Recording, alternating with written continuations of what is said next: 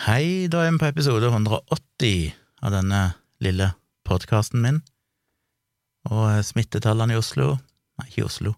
I Norge Jeg hoppet over 1000 igjen. 1096 er vi på nå, etter at vi har leid på ja, litt lavere enn 1000 de siste dagene.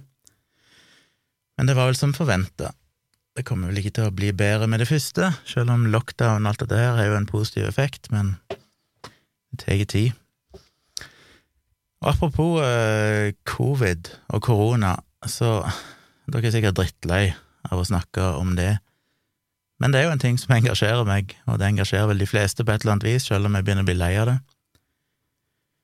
Og siden jeg har engasjert meg i mange år i vaksiner og sånn, så er det jo alltid noen som har noe på hjertet til meg.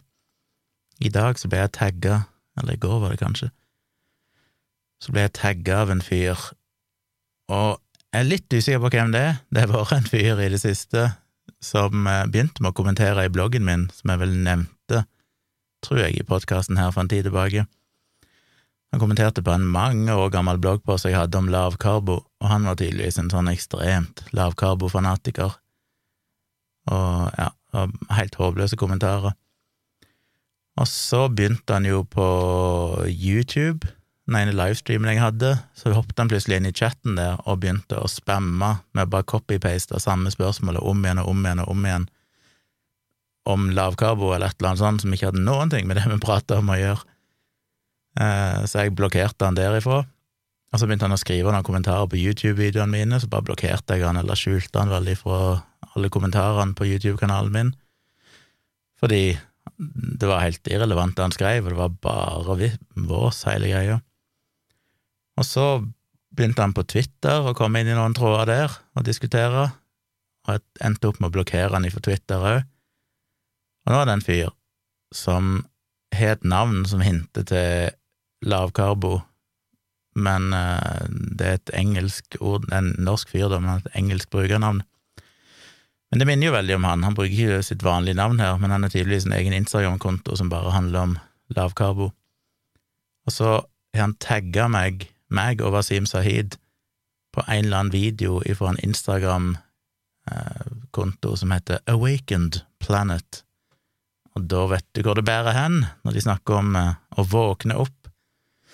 Så dette er Instagram-kontoen til noen som tydeligvis har våkna og sett gjennom alt bullshitet.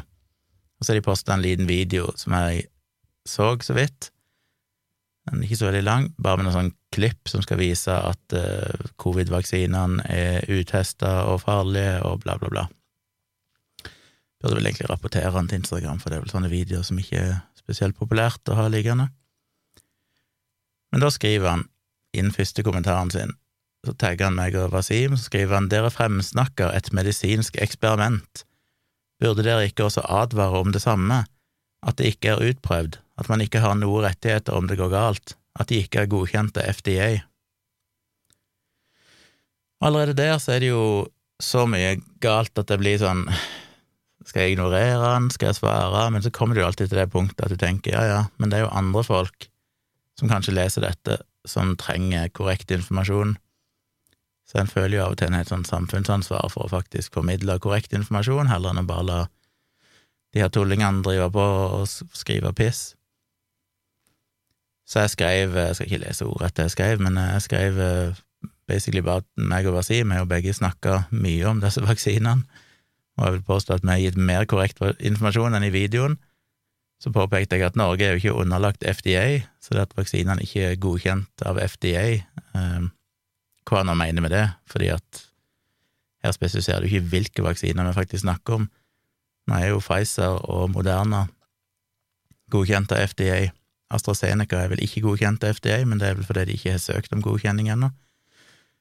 Eh, men han sier ikke er godkjent, så mener han kan vel kanskje plukke opp det der som folk mener at de ikke er egentlig godkjent. Og det er jo for så vidt korrekt i den forstand at det du får under en pandemi, er jo en sånn hastegodkjenning, en midlertidig godkjenning, så vidt jeg vet. Så, pandemi, nei, så vaksinene er godkjent så lenge de er nødvendige under pandemien men de har ikke en eh, vanlig, ordinær godkjenning som andre legemidler og vaksiner.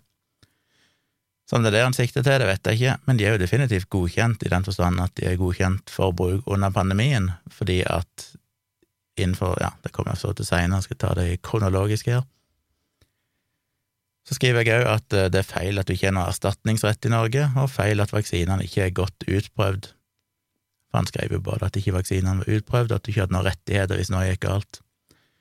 Og det har de jo definitivt bare nå. Med disse AstraZeneca-vaksinene så er det jo snakk om erstatningskrav, og som jeg var inne på tidligere, så har en jo både rett til erstatning fra Pasientskadenemnda, eh, altså pasientskadeerstatning, og det hindrer deg heller ikke for å kunne gå til søksmål eller kreve erstatning ifra produsentene. Jeg husker ikke helt retningslinjene for det. Om du først må få avslag fra Norsk pasientskadeerstatning før du kan gå videre, eller om du kan gjøre det parallelt, eller uansett, det er jeg ikke sikker på. Men det er iallfall en myte, det der, at du har ingen rettigheter. Det har du definitivt. Du har, som jeg sa tidligere i en podkast, du har sannsynligvis mye bedre rettigheter, nettopp fordi vi har pasientskadeerstatning, som opererer med opp, omvendt bevisbyrde. Så svarer han meg hvordan kan du si at det er feil, når det normalt tar fem til sju år å utvikle godkjente vaksiner? Og da kommer vi jo til myte nummer to, den ideen om at disse her vaksinene, covid-vaksinene, bare dukker opp av det blå på noen måneder, helt ut fra ingenting. Så svarte han at mRNA-vaksiner har det vært forska på i rundt 20 år, de dukka ikke opp av ingenting i 2020. Så fortsatte jeg med ja, dette kan jeg vel ikke bare lese, men det er selvsagt ikke men det er selvsagt slik at de spesifikke vaksinene mot SARS-CoV-2 er utviklet relativt sett fort, noe alle pandemivaksiner er nei, per definisjon må, da det er nye virus som skaper pandemier. De er likevel testet like robust som andre vaksiner, og har bare midlertidig godkjenning under pandemien, og så kommer det jeg bare skulle innom tidligere. Innen medisin veier man alltid fordeler mot ulemper, så testingen er designet slik at risiko for skade pluss dokumentasjon på effekt i sum overgår risiko for viruset, noe som har vist seg å stemme etter at noen hundre millioner er vaksinert. Og det er jo greia. Grunnen til at vi kan gi en midlertidig hastegodkjenning, er fordi trusselen er såpass stor at du må veie fordeler mot ulemper. Så i en sånn situasjon vi er nå, så kan vi tillate en høyere risiko for vaksinene fordi alternativet er verre. Risikoen for koronaviruset er verre hvis ikke vi gjør noe med det. Og som jeg nevnte tidligere, jeg mener det har døyd Offisielt sett er det 2,7 millioner, eller noe sånt. Det er vel mange som mener at tallet nok ligger et sted mellom 4 og 7 millioner døde, sannsynligvis, fordi det er så stor underrapportering, spesielt i en del deler av verden der det ikke er så gode pasientregister og kartlegging som de har i Norge og andre vestlige land. Eh, og det dør jo ja, varierer litt opp og ned, men det ligger jo et sted mellom 60 og 100 000 som dør hver uke globalt. Og det er jo det en må veie det opp mot, det er liksom den ideen om at ja, hvis du lager en vaksine som eh, viser seg å ta livet av 50 000 hver eneste uke, så er det klart at da Da, ikke, da er ikke nytten der lenger. Men det er altså ganske langt å gå før du kan si at en vaksine generelt sett er en større skade enn en fordel. Så er det selvfølgelig litt mer komplekst enn det, fordi at du snakker om aldersgrupper og risikofordeling i forskjellige aldersgrupper og sånn, men nå er det jo primært eldre som har vært vaksinert i vår del av verden, og i den, den, delen av befolkningen så er jo det regnestykket egentlig relevant. Og så er det klart at risikoen må synke jo lavere ned i aldersgruppene du kommer, fordi covid rammer unge mennesker i mindre grad, mindre alvorlig. Som er grunnen til at eh, denne AstraZeneca-vaksinen, da, på tross av at det er bare de eh, hva er det, fem tilfeller nå av denne spesielle blodsykdommen, eh, har dukket opp, og det utgjør ca. 1 av 20 000 som er vaksinert. Så til og med det er for høyt når det gjelder folk som kanskje ellers ikke ville tatt særlig skade av covid. Selv om jeg mener at det er kanskje litt mer komplisert enn det. Det har en tendens til å regne på dødsfall, men det er jo mye som kan skje uten at du dør. Og ut ifra de risikovurderingene FHI, Folkehelseinstituttet, har gjort tidligere, og som jeg blogger om, så vil jo til og med for folk under 50 sannsynligvis være tryggere å eh, ta vaksinen. Eh, og det er jo det de har konkludert med i stort sett i resten av verden. Så får vi se hva Folkehelseinstituttet kommer fram til på fredag, når de vel skal komme med sin endelige avgjørelse. Og det er veldig spennende om de faktisk finner en underliggende risikofaktor, om det blir sånn som med narkolepsi, der de fant ut at eller fant ut og fant ut, men der de fortsatt mistenker at det handler om genetikk og litt sånne ting, siden tilsvarende vaksine ble brukt i andre land uten at de så noen økning i narkolepsi, men du gjorde det akkurat i Norge, Sverige og Finland, vel, som tyder på at det kan være noe med nordisk genetikk å gjøre. Så det er det en leter etter nå. Kan det være noe med genetikken som gjør at det plutselig av bare 120 000 doser, så får vi fem sånne tilfeller, mens i andre land der de er vaksinert mye mer, så har de i liten grad oppdaga det, selv om de har hatt noen tilfeller i Tyskland. Kan det være at disse pasientene hadde en annen sykdom? Kan det være at de brukte et annet legemiddel samtidig som kan ha påvirka dette? Eh, mistenker jeg om de kan ha hatt en covid-infeksjon, eller en koronainfeksjon, rett før de fikk vaksinen, som ikke var oppdaga, og dermed fikk de på en måte en dobbel immunrespons. De fikk immunrespons både fra viruset og fra vaksinen, som ga en litt for kraftig immunrespons i sum, som kan ha ført til denne tilstanden. Så ja, poenget er iallfall at eh, generelt sett så er jo alt av legemidler alltid å veie fordeler opp mot ulemper, fordi ingen vaksiner eller ingen legemidler er 100% trygge, og ingen er, stort sett ingen, er 100% effektive. Det er jo faktisk noen vaksiner som er det. Og i en pandemisituasjon så kan vi tillate dere å endre litt på det regnestykket, fordi at det er såpass akutt og farlig. Eh, men så presiserte jeg litt mer, fordi igjen, da, hvor lenge har de jobba med disse vaksinene? Altså Teknisk sett så har de drevet på i bortimot 20 år med på en måte å forske på bruk av mRNA-teknologi i vaksiner. Men de har forska på mRNA-vaksiner mot koronavirus spesifikt, ikke dette SARS-CoV-2, selvfølgelig, for det eksisterte jo ikke før 2019, men andre typer koronavirus. Det har de faktisk jobba med spesifikt i rundt ti år. Så det betyr jo at når denne pandemien kom, så var han allerede ganske godt forberedt. Eh, det var ikke som å begynne fra scratch. Mye av forskningen var allerede gjort, mye av eh, på en måte den grunnforskningen, den uh, testinga i små doser, alt å si, i små skala, der du sjekker uh, hvor trygg han er og alt mulig sånn, har en jo allerede hatt testing på i veldig liten skala, da. Men så gikk en jo inn på disse store, både fase 1, fase 2 og til slutt fase 3-studiene nå under pandemien i 2020, som var store studier, veldig store, med titusenvis av mennesker. Og som jeg har sagt tidligere, så jeg skrev det i en bloggpost uh, for noen uker siden, lenge før disse bivirkningene dukka opp. Da skrev jeg jo om at var det Folkehelseinstituttet som sa at rent sånn statistisk så må du ha rundt 30 000 mennesker med i en studie for å kunne fange opp en bivirkning som rammer én av 10 000. Og ingen av de studiene har vel vært så store, for da mener de regner med de mener at det må være 30 000 i den aktive gruppa, altså de som faktisk får eh, vaksinen, og så er det da tilsvarende mange i placebogruppa. Vil jeg tro. Hvis ikke så er det jo bare 15 000 i hver, og da er jo faktisk studiene her vært store nok, egentlig, som gjør det enda mer mystisk. Men la ikke si det er 30 000 bare i den aktive gruppa, så er det vel jeg tror ikke noen av studiene har hatt så mange som 30 000 i hver gruppe. De har vært tett oppå, de har vært litt over 20 000. Eh, men denne bivirkningen her rammer jo så langt, i Norge iallfall, 21 000, og i andre land så er det jo enda lavere, så det betyr jo egentlig at nå kan ikke matematikken i det, men du måtte altså hatt kanskje en minst dobbelt så stor studie for å fange opp en så sjelden bivirkning. Så det er jo på en måte, dette er jo matematikk. Du sier du, vi har godkjent at vi kan akseptere en risiko, egentlig på rundt én av 10 000 for en alvorlig bivirkning, men det er klart, når den alvorlige bivirkningen er død, så begynner det jo å bli enda mer eh, komplekst, da regner jeg med at da ja, da aksepterer vi jo egentlig null i praksis, selv om, som jeg var innom tidligere, så er det kanskje litt ironisk ettersom eh, såpass mange døy av covid, eller koronaviruset. Men jeg skrev iallfall det at vi har jobba med mRNA-vaksiner mot koronavirus i ca. ti år før pandemien, som er omtrent like lenge som andre vaksiner. Altså det er omtrent den tid de bruker. Så sånn sett så har faktisk disse vaksinene blitt utvikla over like lang tid som vanlige vaksiner. Eh, det er selve testfasen som er gått mye fortere her, fordi, som jeg snakka om i en eh, YouTube-video, så en kunne kjørt fase 1, fase 2 og fase 3 delvis overlappende. Normalt så gjennomfører du en fase 1-studie, og så skal du samle data, bla, bla, bla.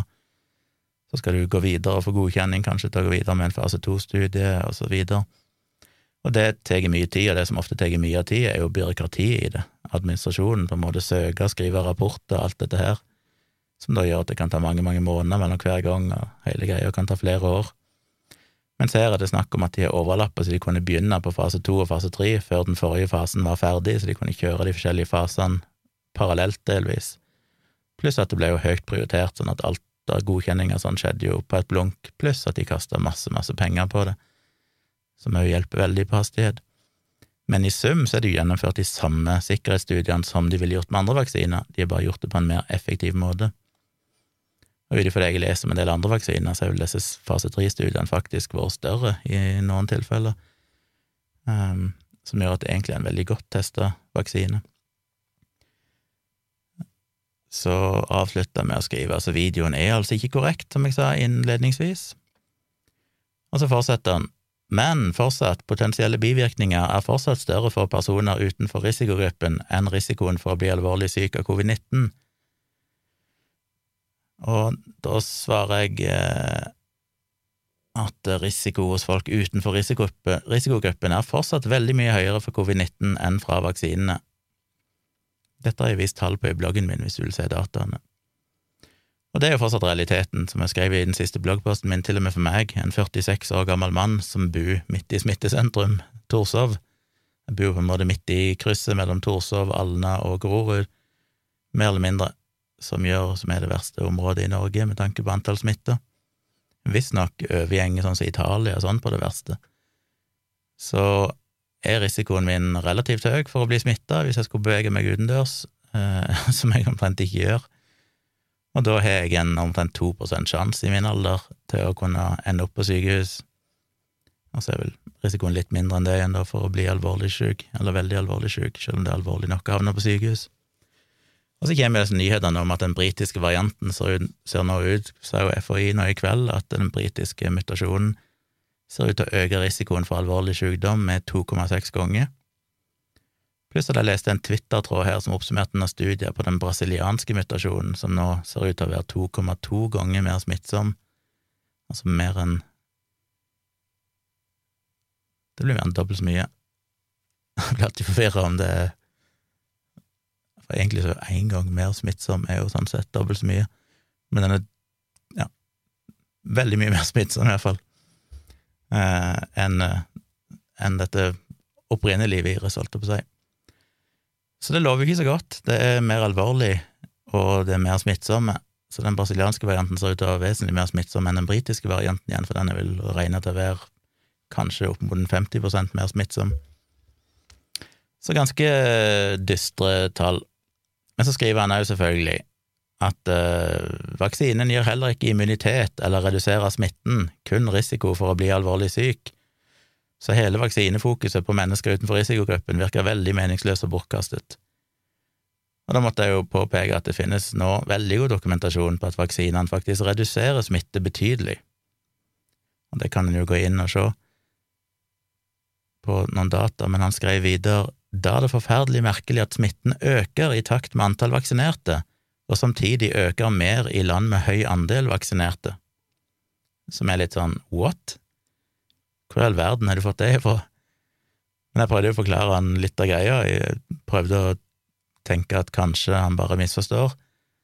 Så jeg skrev at eh, det er ikke så rart, ettersom det tar et par uker etter hver dose før man oppnår immunitet, og først 14 dager etter andre dose som settes tre til tolv uker etter første dose, litt avhengig av vaksinetype, er immunitet på topp, så det vil være én til fire måneder forsinkelser fra vaksinasjonen har startet og mange nok er vaksinert, til man ser effekten.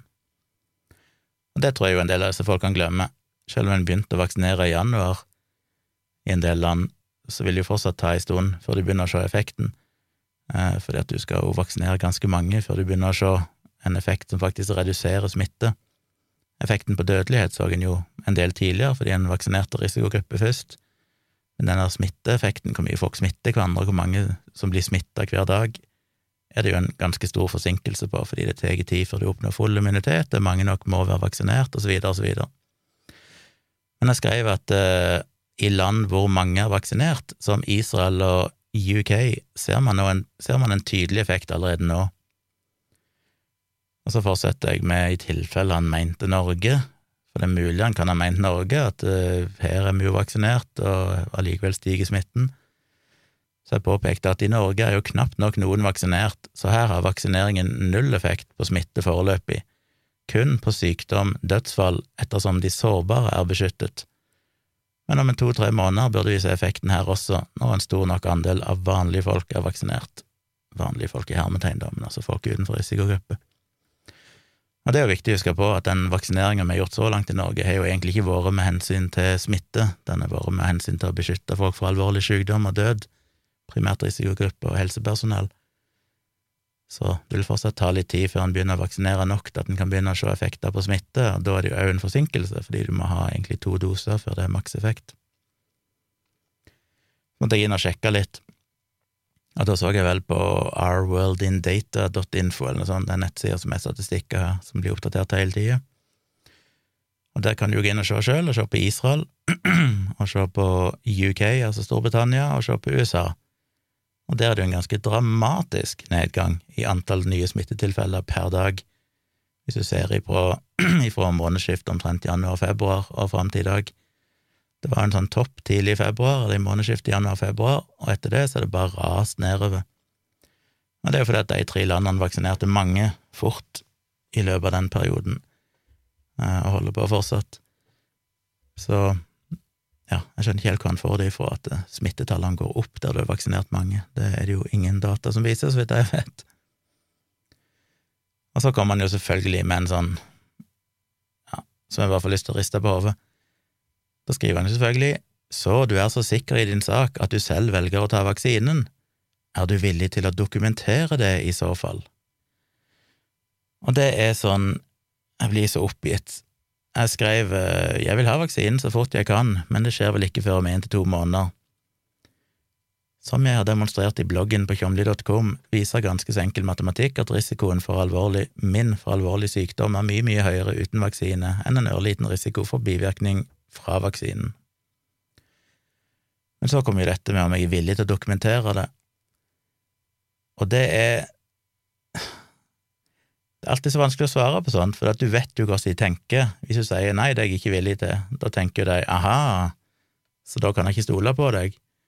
I realiteten er jo greia at hvorfor i all verden skulle jeg gidde å sitte inne og filme meg sjøl eller et eller annet mens jeg får vaksinen, for å overbevise en eller annen idiot på internett om at jeg faktisk har tatt den? Og hvis jeg faktisk hadde gjort det og filma, så hadde jo han alltid klart å funne ut at nei, men det var sikkert bare saltvann, eller nei, det var bare skuespill hva er poenget, liksom? Det er jo overhodet ikke Og det er ikke verdt bryet. Så jeg skrev egentlig bare å nei, jeg kommer neppe til å dokumentere det. Jeg bryr meg overhodet ingenting om hva du måtte tro eller mene, men syns det er viktig at andre får korrekt informasjon i en tid hvor kunnskapsløse mennesker som deg sprer feilinformasjon. Så skrev jeg i parentes, og aldri klarer å innrømme feil selv om det pekes ut i rekke og rad. Og det, det, det, denne diskusjonen med han er jo bare så typisk, det er liksom bare oppskriften på en diskusjon med en sånn fyr. Fordi de kommer med påstand etter påstand, jeg viser igjen og igjen at nei, det du sier er feil, nei, det du sier er feil, det du sier der er feil, og så bare fortsetter de videre med noe nytt hele tida. Det er aldri en sånn 'å ja, det visste jeg ikke', eller 'å ja, da, da, da må jeg korrigere meg sjøl', eller et eller annet sånt. Eh, og så vet du jo bare det at eh, i morgen så er sikkert han ute og skriver akkurat de samme tingene i andre kommentarfelt, som om ingen noensinne har gitt han informasjon om dette. Og det er det som er så håpløst, derfor det er jo, det er jo selvfølgelig ikke for å overbevise han jeg skriver de her tingene, fordi han kommer jo aldri, han er jo ikke en person som er interessert i sannhet. Og det demonstrerer han jo for så vidt seinere her, for han skriver jeg innrømmer gladelig feil all den tid jeg tar feil. Foreløpig har jeg til gode til å lese noe som kommer fra uavhengige kilder eller med kritisk blikk. Og det er jo på en måte kjernen i det, at all informasjon som strider imot det han tror på, vil jo han automatisk avfeie som uavhengige kilder, nei, som ikke uavhengige kilder, eh, inklusiv CDC, Folkehelseinstituttet, Verdens helseorganisasjon, all verdens forskningsrapporter. For denne verden, verden til denne fyren, så er jo alle kjøpt og betalt. Og det eneste som er troverdig er hvis du er en fyr, en ensom fyr som gjerne er pensjonert, og ikke har gjort noe innenfor ditt fagfelt de siste 30 årene, men du skriver et eller annet eller dukker opp i en video og sier noe hårreisende motsatt av det hele samla fagmiljøet gjør, da er du en per definisjon troverdig person av en eller annen merkelig, merkelig grunn. Så jo mindre kompetent du er, jo lenger du har fjerna deg fra fagfeltet, jo lenger det er siden du har jobba med noe som helst innenfor det fagfeltet, og jo mer kontrær du kan være, jo mer ekspert er du jo i øynene til disse folkene. Jeg skrev jo det i en kommentar, jeg skrev i en bloggpost om han der eh, Gert van der Bosche, som hevder at uh, å vaksinere under pandemien vil bare skape katastrofe, for det vil bare føre til at vi presser fram mer skumle mutasjoner og sånn.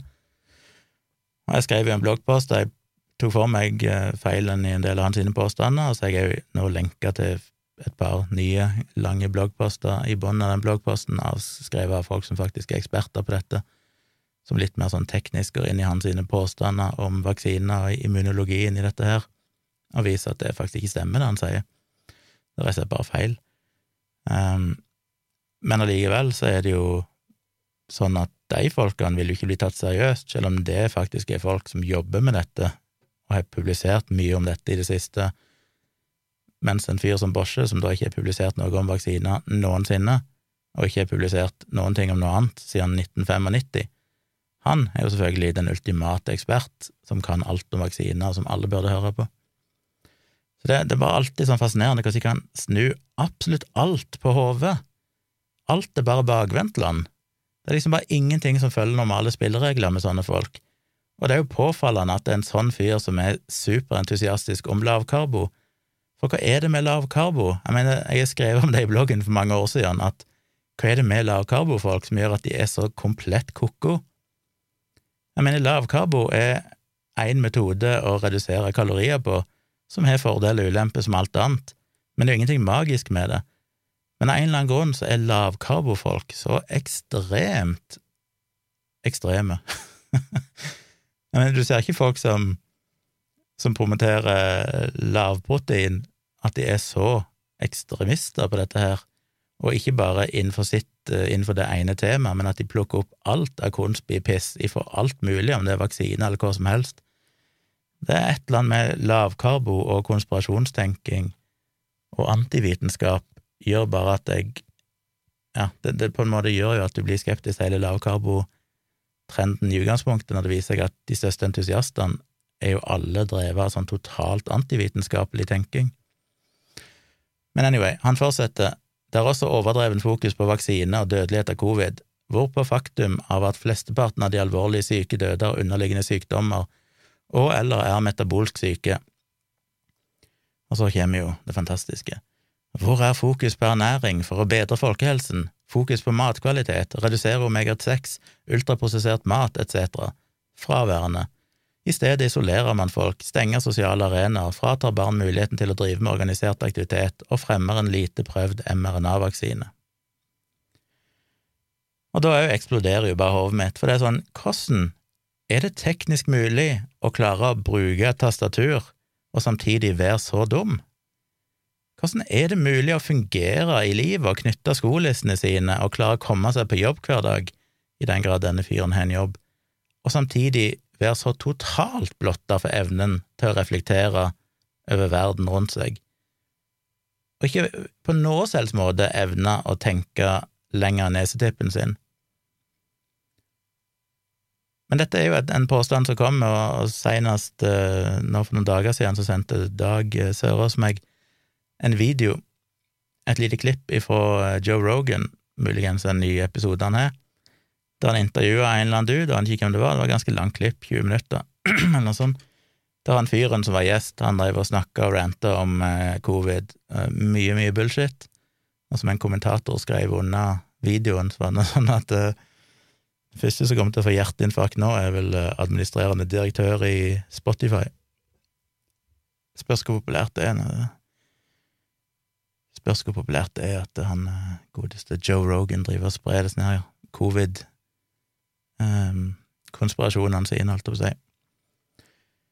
Men uh, ja, da kom jo selvfølgelig Joe Rogan, som jo på en måte prøvde å være den nøkterne, fornuftige part og liksom måtte understreke at ja, men covid er jo en det er jo en alvorlig sykdom, og det er alvorlig for mange, og det er jo folk som dør av det. Men så begynner han jo med denne bullshitten sin igjen. Det er jo stort sett folk som er enten ekstremt overvektige eller har en underliggende sykdom. Og så dro han jo fram den påstanden at det viser seg at det er bare 6% av de som er diagnostisert, eller de som er døyd av covid i USA, som døde kun av covid, og ikke noe mer. Som jo er bare totalt feil, det er ikke det han sier, det er vel til og med faktisk.no debunka, uten at jeg visste det før etter at jeg òg hadde debunka det. For det skriver jeg om i en bloggpost, men det er jo en total misforståelse av hva den rapporten faktisk viste.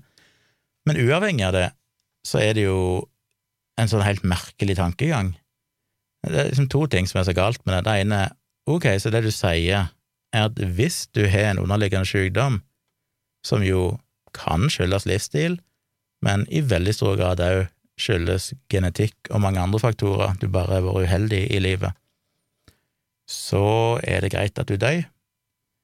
Da skal ikke resten av samfunnet gjøre noen ting for å redusere risikoen til disse menneskene, som tross alt utgjør ja, Til og med i Norge er det vel rundt en tredjedel av befolkningen ble jo regna for å være i risikogruppe i en eller annen grad. Hvis du da inkluderer gamle som en risikogruppe.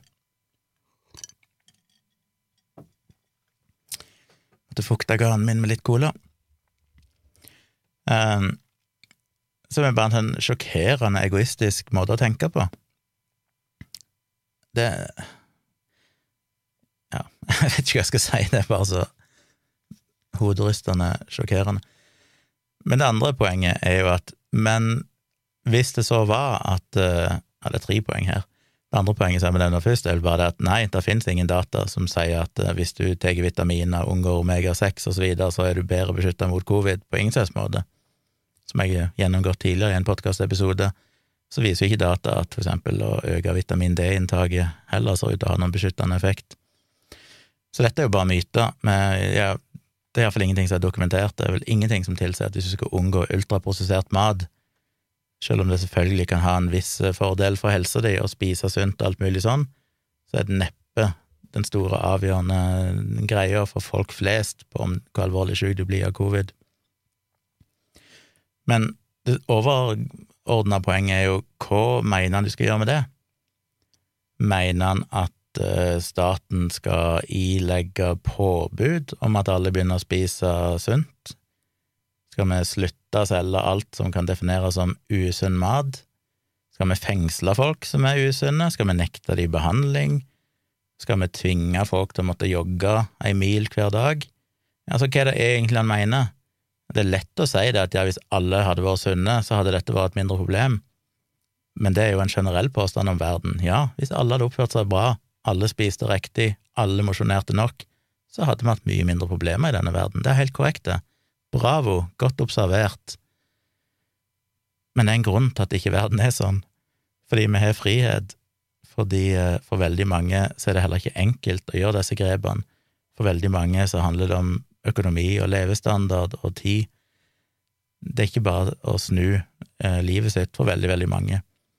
Og det ligger en sånn underliggende idé i den påstanden, blant annet for Joe Rogan kanskje spesielt, men òg han kommentatoren her, at dette er folk som er litt skyld i det sjøl, og det er fordi de er late, de er dårlige mennesker. Er du litt overvektig, så er du jo bare lat og dårlig menneske. Og som igjen er bare en sånn hårreisende Ja, selvfølgelig, for en del mennesker så er det fullt mulig å slanke seg hvis en går inn for det. For ganske mange så er det ikke mulig. Og det er mange årsaker til det. Det er psykologiske årsaker, psykisk helse. Det handler igjen om fattigdom, levestandard, livssituasjon.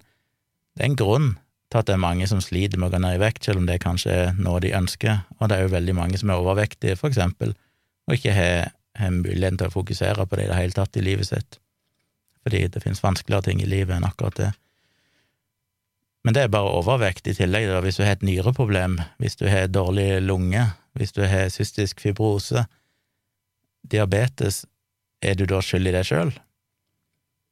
Hva er de mener her? Skal du da Ja, nei, du har cystisk fibrose, så det, det er bare fordi du, har, du er sikkert vært en drittsekk i ditt forrige liv. altså, hvordan klarer de å gjøre dette til et sånt personlig ansvar, at folk har en underliggende tilstand? Og de trekker jo alltid fram overvekt, for det er så lett å late som at det er noe folk kan skyldes på seg sjøl for å ha, som jeg jo nettopp har nevnt ikke stemmer i det hele tatt for veldig mange. Men det er jo mye mer mange andre tilstander som du iallfall ikke kan si at noen er selvforskyldt i å ha. Så jeg skjønner bare ikke å skrive en sånn ting, at uh, fordi de fleste underliggende sykdommer eller er metabolsk syke For det første må en jo påpeke at det han her mener med metabolsk syke, er jo bare vårs, hvis det er han fyren jeg tror det. Han har jo skrevet kommentarer i, i, i, bloggen min som er bare helt hårreisende, der han tror at omtrent lavkarbo er jo kuren for alt mellom himmel og jord. Men uh, Men ja. Altså, det er sånn ideen om matkvalitet og ultraprosessert mat og sånn som uh, det siste poenget her, hva var igjen det? Jo, det var jo det at eh, det er jo merkelig å si at ikke det var fokus på det. Jeg mener, det har vi jo veldig mye fokus på. Det har vi hatt fokus på i 60-70 år. Eh, myndighetene har offisielle ernæringsråd som er veldig fokusert på nettopp det å spise balansert, ikke spise for mye, spise sunt, alle de her tingene. Så Problemet er jo ikke at ikke du vet om det, du lærer det på skolen, du får informasjon om det stadig vekk, men folk gjør det ikke. Så dette er jo ikke noe altså Hvis han mener at staten skal ta ansvar for at alle lever sunt, så må han jo da innføre en sånn Nord-Korea-tilstand, der du er pålagt du ikke får lov å spise det du vil lenger, der du blir straffa for å leve usunt. Så ja, poenget er bare at jeg skjønner ikke hva, hva sånne folk mener med, med, det. Jeg skjønner ikke hvorfor de ikke klarer å tenke lenger. Det, det høres ut som at de jeg tror de får en følelse av å være sånn ja, men jeg tenker litt lenger enn dere, for jeg tenker på de virkelig underliggende årsakene.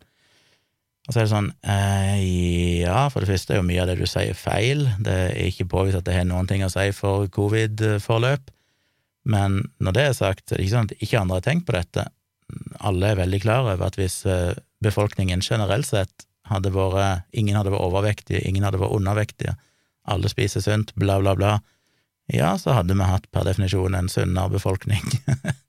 Eller som jeg skrev i et kommentarfelt et eller annet sted, der var en annen som skrev noe sånn at uh, hvis du så på studiene, så var det jo primært folk med underliggende sykdommer som, uh, som tok skade av covid.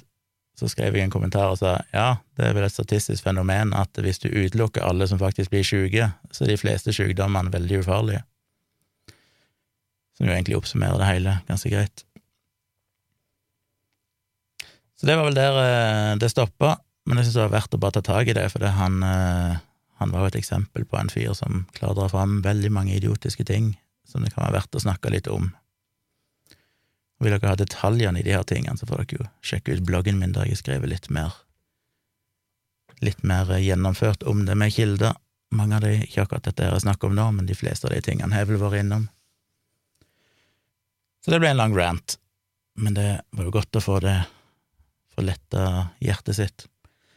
Ellers må jeg jo si at meg og Tone, min kjære samboer, vi begynte jo å se en ny serie som kom på Apple TV Plus, som heter Calls. Og det er det mest spesielle jeg har sett noen gang, tror jeg. Det er på en måte Skal du oppsummere det, så er det jo eh, radioteateret meets eh, Black Mirror, basically. Altså, det er en, eh, en, serie med veldig korte episoder, de varer sånn fra 13 til 18 minutter, det har jeg sett, og det er ikke noe bilde, altså det er ikke noe video.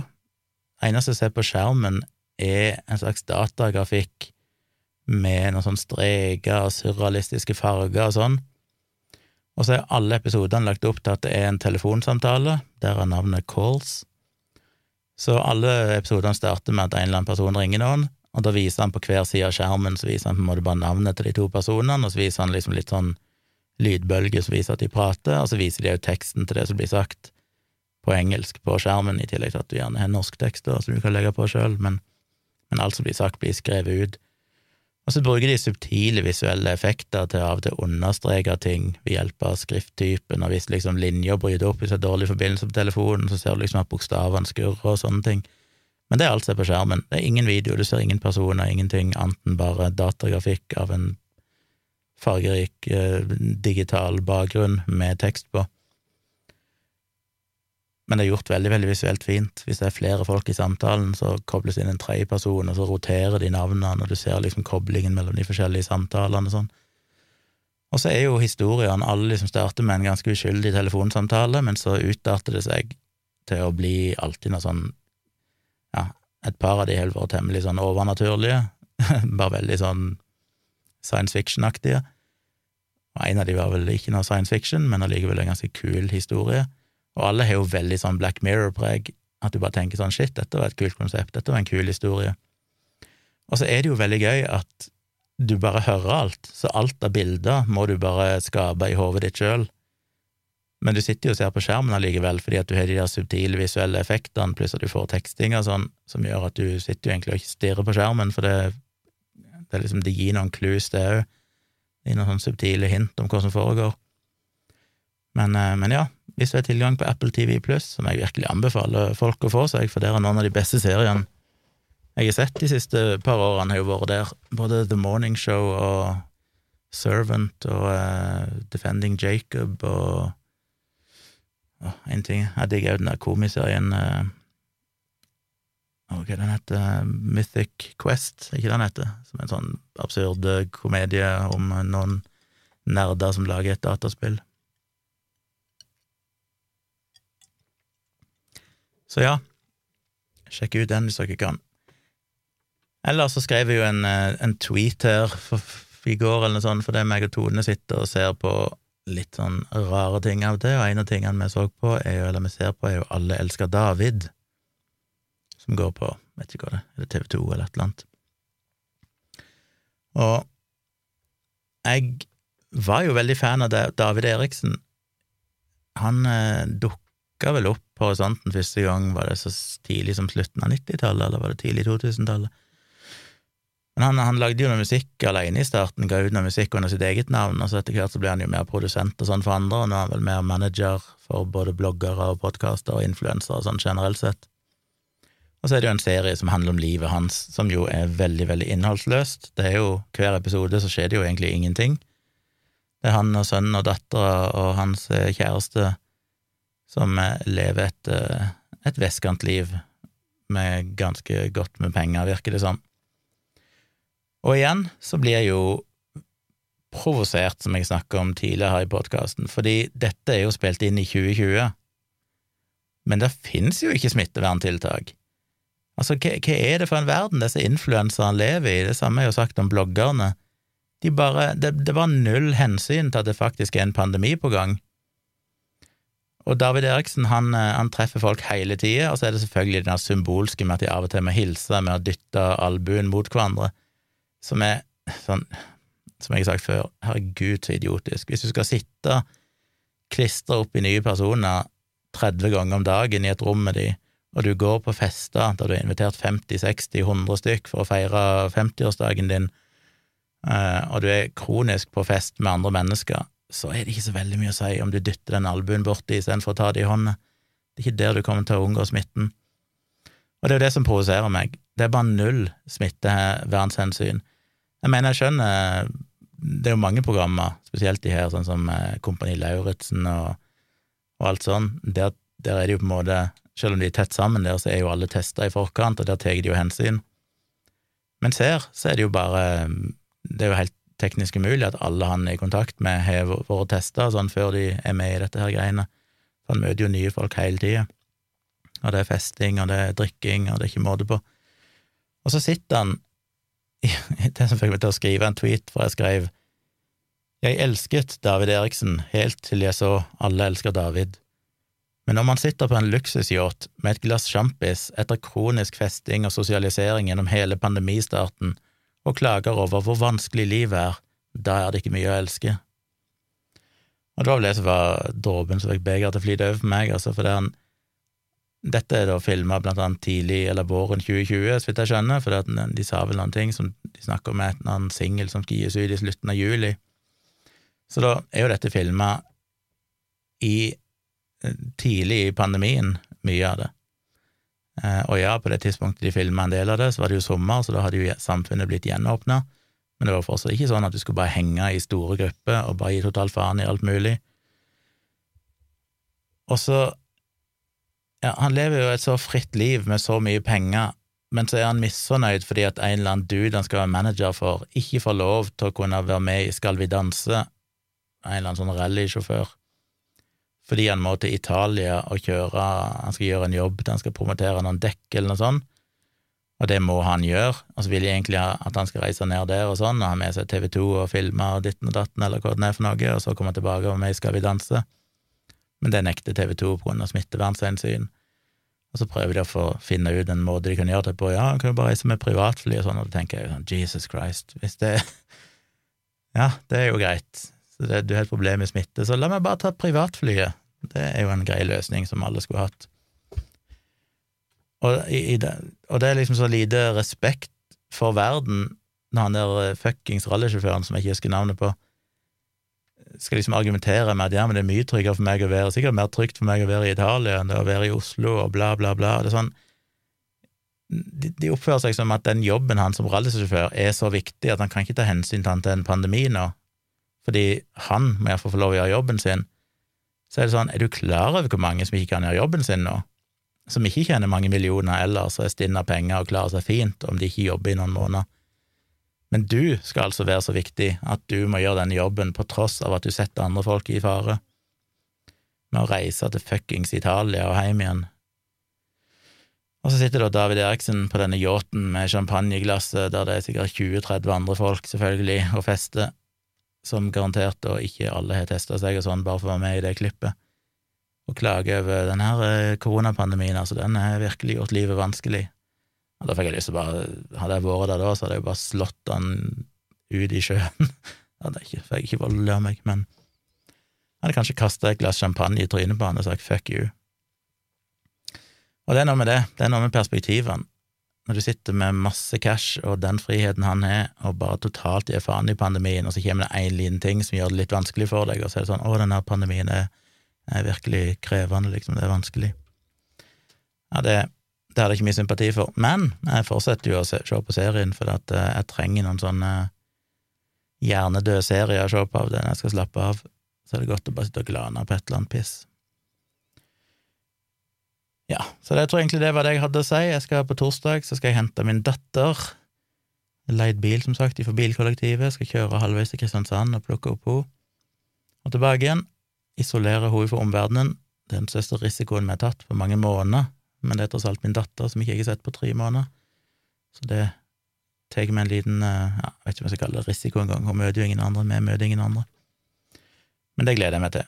Hun hadde jo bursdag i januar, men uh, hun skulle egentlig komme til Oslo, så vi kunne få gitt henne gaver, sånn, men så ble det jo full lockdown, og derfor har jeg ikke sett henne siden da, så nå skal hun endelig få sine bursdagsgaver òg forsinka, så det blir, blir stas.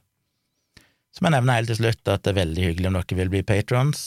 Eh, setter veldig pris på å få den støtten til det jeg driver med, både podkast og videoer, livestream og blogging og alt mulig sånn. Jeg tjener jo krone null på alle de tingene, bortsett fra det jeg får av eventuelle patrons og sånn. Så ja, det er veldig, veldig hyggelig støtte å få, hvis dere vil det.